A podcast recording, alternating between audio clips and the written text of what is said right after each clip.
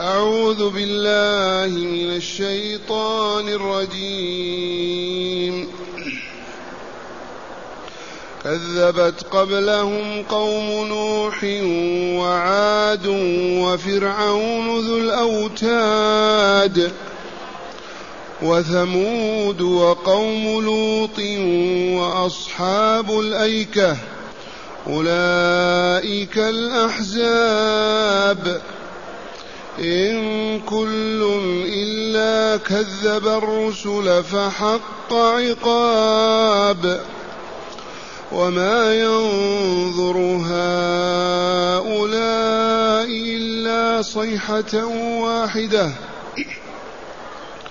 إلا صيحة واحدة ما لها من فواق وقالوا ربنا عجل لنا قطنا قبل يوم الحساب. اصبر على ما يقولون واذكر عبدنا داود ذا الأيد إنه أواب. إنا سخرنا الجبال معه يسبحن بالعشي والإشراق والطير محشوره كل له أواب وشددنا, ملك وشددنا ملكه وآتيناه الحكمة وآتيناه الحكمة وفصل الخطاب. أحسنت. معاشر المستمعين والمستمعات من المؤمنين والمؤمنات. قول ربنا جل ذكره كذبت قبلهم قوم نوح وعاد وفرعون ذو الأوتاد. هذه الآيات فائدتها تسلية الرسول صلى الله عليه وسلم وحمله على الصبر والثبات وهو يواجه العجائب من أعداء الله المشركين الكافرين في مكة. تسلية للرسول صلى الله عليه وسلم وتعزية له لتحمل على الصبر والثبات حتى ينجز الله ما وعد. وفي نفس الوقت هي أيضا عبر وعظات للمشركين لو كانوا يتعظون ويعتبرون. فقال عز وجل كذبت قبل قوم مكة قبل المشركين في مكة قبل مشرك العرب كذبت قبلهم قوم نوح ونوح معلوم هو أول الرسل عليهم السلام. ذاكم النبي. ذاكم الرسول الذي قضى في قومه تسعمائة وخمسين سنة وهو يدعوهم إلى الله وهم يسخرون ويضحكون ويؤذونه ولم يسلم إلا نيف وثمانون نسمة.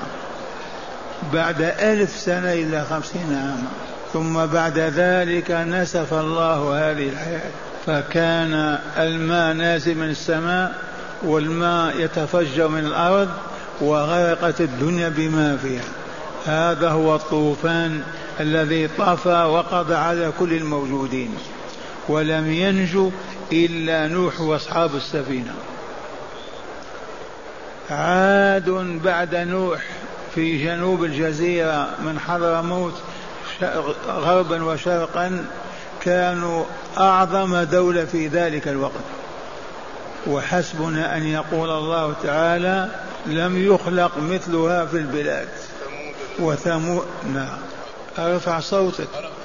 ألم ترى كيف فعل ربك بعاد إرم ذات العماد التي لم يخلق مثلها في البلاد؟ كان طول أحدهم ستين ذراعا. إذا أهلك الله عادا. ما بقي منهم إلا المؤمنون الذين خرجوا من ديارهم التحقوا بالشمال فقط. فرعون من فرعون؟ ذو الأوتاد والأوتاد المباني العظيمة الأخشاب ومن بين ذلك الأوتاد التي يضعها ويضع من يخالف عليها ويقتل عليها. أربعة أعمدة من هنا ومن هنا ويضع بينهم وينزل عليه ما شاء من عذاب هذا هو ذو الأوتاد قال تعالى وثمود أيضا في الشمال. وكان نبيهم صالح عليه السلام. وعاش معهم زمنا وفي النهاية أخذهم الله بصيحة واحدة فلم ينجو منهم أحد. قوم لوط ما نجى الله إلا لوط وابنتيه وإحدى نسائه فقط وأهلك الله تلك الأمة كلها. وهي الآن بحر يابس منتن عفين أصحاب ليك قوم شعيب عليه السلام والأيكة هي الحدائق والأشجار الغيضة قال تعالى أولئك البعداء هم الأحزاب الذين أهلكهم الله عز وجل. ثم قال تعالى إن كل إلا كذب الرسل. من هؤلاء الذين ذكرهم؟ من نوح إلى أصحاب الأيكة. كل كذب الرسل. فلا تكرب يا رسول ولا تحزن إذا كذبوك. فأنت واحد من بينهم. كل هؤلاء كذبوا. إن كل إلا كذب الرسل. إذا فحق عقابي. لما كذب الرسل دمرهم الله وأهلكهم الله. هؤلاء بالغرق وهؤلاء بالصيحة وهؤلاء بما شاء بالخسف. هؤلاء بالحجارة من السماء فحق عقاب الله ووجب فعاقبهم فليتعظ بهذا أهل مكة. وما ينظر هؤلاء في مكة من المشركين ما ينظرون ماذا؟ إلا صيحة واحدة تأخذهم ما لها من فواق سواء يكون هذا تهديد لهم بما قد يقع لو شاء الله أو المراد بالصيحة صيحة يوم القيامة. ما ينظر هؤلاء المكذبون المشركون الجاحدون في مكة وخارجها إلا صيحة واحدة تأخذهم. صيحة واحدة ما لها من فواق دفعة واحدة ما تتقطع. الفواق يحلب الشاة أول النهار ويحلبها في آخرها. هذه ما تنقطع صيحة واحدة حتى لا تبقي أحدا. ما ينظرون وما ينظرون إلا صيحة واحدة إلا صيحة واحدة ما لها من فواق. الفواق هو الزمن بين الحلبتين عند العرب. الفصل بين الزمانين يقال له فواق. والمراد من الصيحة تستمر حتى تنهي ما تنقطع وتعود. صيحة واحدة إن كانت إلا صيحة واحدة فإذا هم جميع الذين محضرون وهذه النفخة التي لا بد منها لفناء العالم بأسره. ثم قالوا يحكي تعالى ما قال المشركون وقالوا ربنا عجل لنا قطنا قبل يوم الحساب. قال المشركون يا محمد أنت تزعم أن هناك كتبا وأن أعمالنا محصية فيها ومكتوبة وأننا يوم القيامة نوزع توزع علينا هذه الكتب ونشاهد أعمالنا فيها الخير والشر. اذا عجل لنا بها الآن نشاهدها. وهذا هو التحدي والعناد المكابره وقالوا ربنا يا ربنا عجل لنا قطنا والقط الكتاب المكتوب. قطنا قبل يوم الحساب. قالوا هذا لأنهم لا يؤمنون بيوم القيامة. لا يؤمنون بالحساب والجزاء أبدا.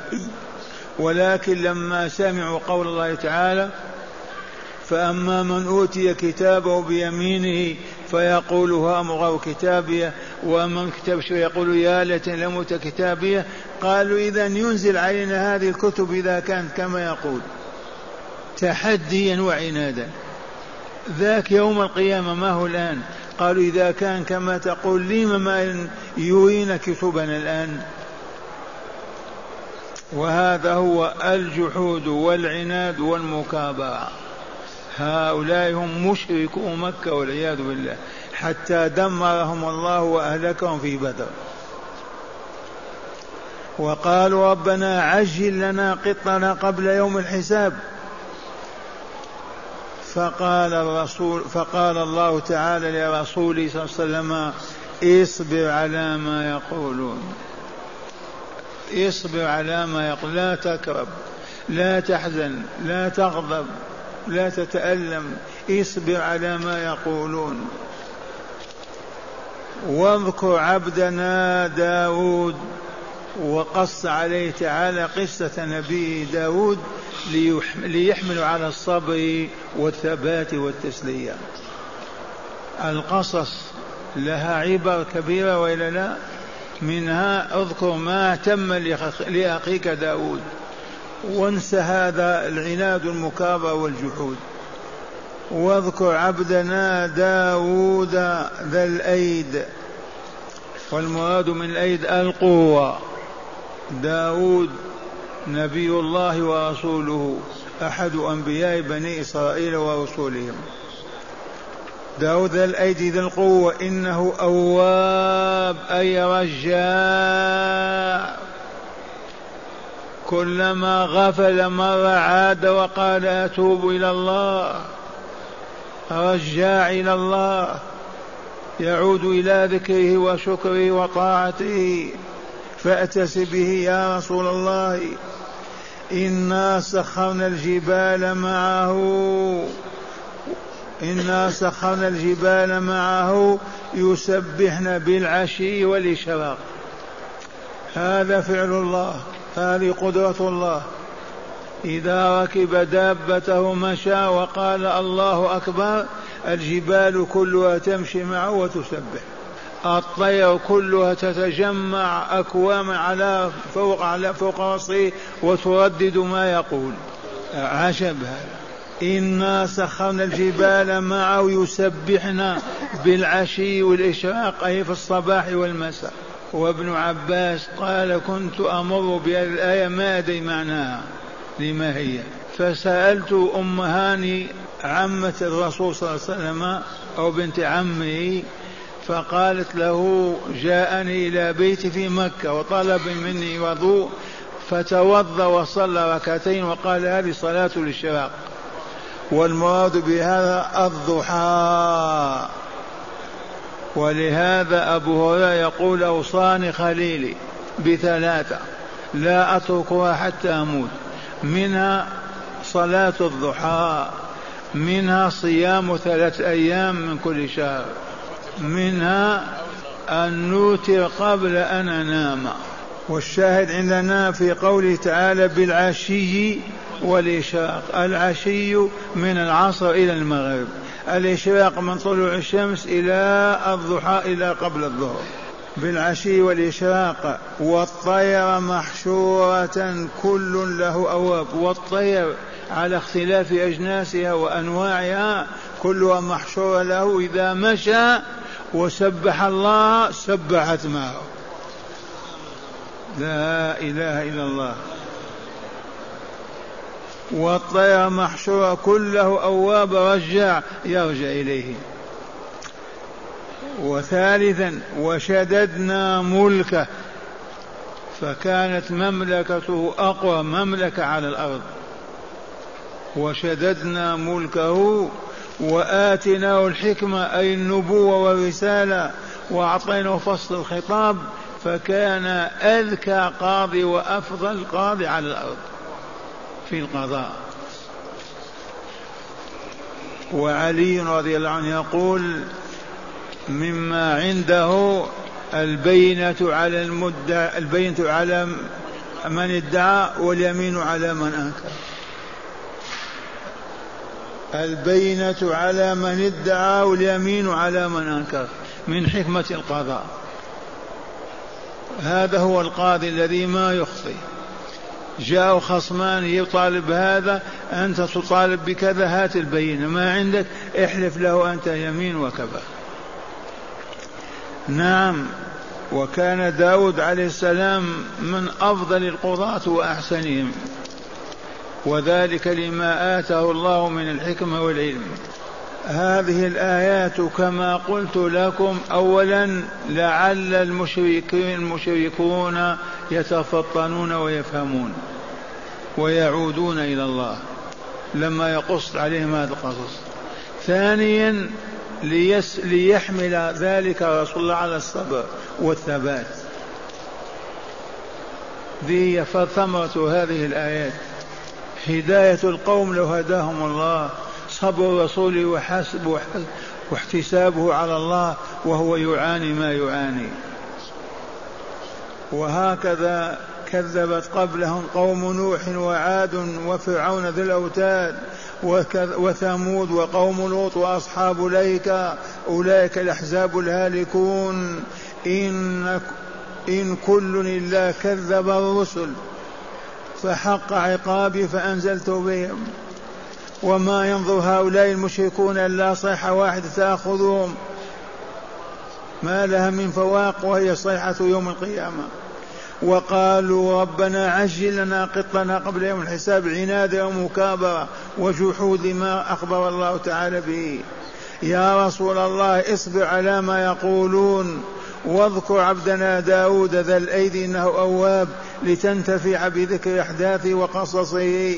إنا سخرنا له الجبال يسبحن بالعشي والإشراق والطير محشورة كله أواب وشددنا ملكا وأتناه الحكمة وفصل الخطاب. هذا إفضالنا وهذا إنعامنا على داود وأنت أهل لذلك فلك منا ما لداود وأكثر. مع هداية الآيات. بسم الله والحمد لله. والصلاة والسلام على رسول الله صلى الله عليه وسلم. من هداية هذه الآيات أولا تسلية الرسول صلى الله عليه وسلم وحمله على الصبر على أذى قريش وتكذيبها وعنادها. من هداية هذه الآيات التي تلوناها وتدارسناها حمل الرسول صلى الله عليه وسلم على الصبر والثبات. تسلية له.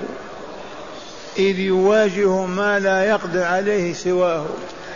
هذا يسب وهذا يشتم وهذا يؤذي وهذا هذا يكفر وهذا يلعن هو وسطهم في مكة. فهذه الآيات تسليه وتحمل على الصبر والثبات. أنزلها الله لهذا الغرض. نعم.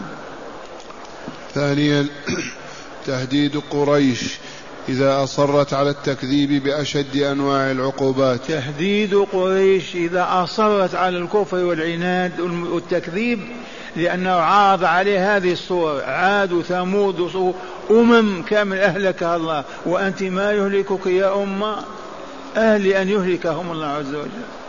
ففي هذا أيضا ما ينفعهم لو كانوا ينتفعون. نعم. ثالثا بيان استهزاء المشركين واستخفافهم بأخبار الله تعالى وشرائعه. بيان استهزاء المشركين وسخريتهم بكلام الله.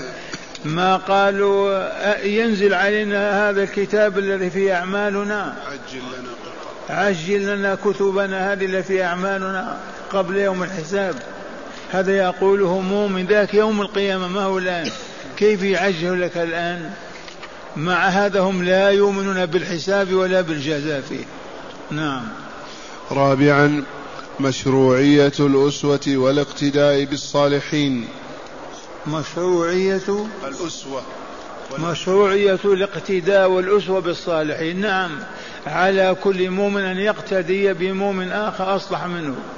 من وجد مؤمنا أصلح منه فليقتدي به.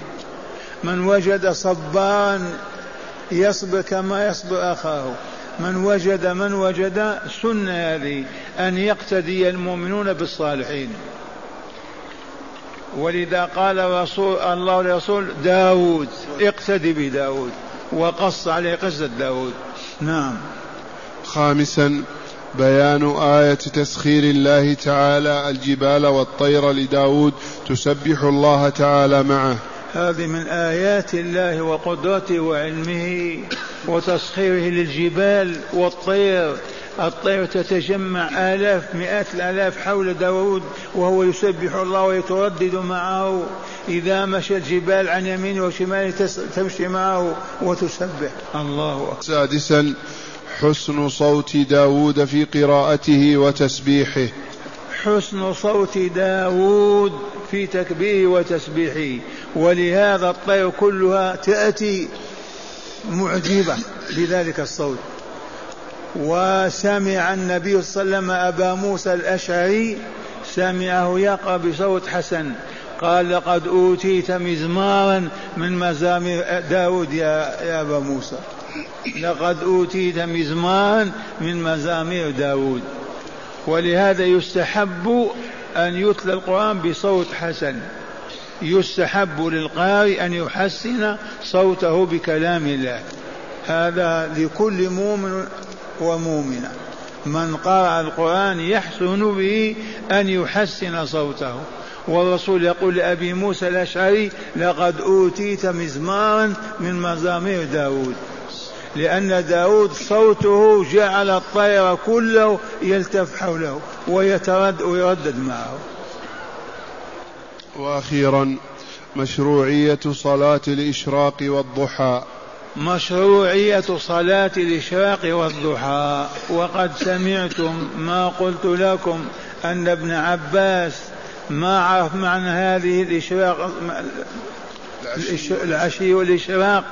وسأل أم هاني فأخبرته أن النبي صلى الله عليه وسلم دخل عليها وطلب ماء وتوضأ وصلى في الضحى ثمان ركعات. وقال هذا هو الإشراق. حتى لا تفهم الإشراق أنه طلوع الفجر. الإشراق لما ترتفع الشمس يبدأ الضحى إلى قبل الظهر بربع ساعة.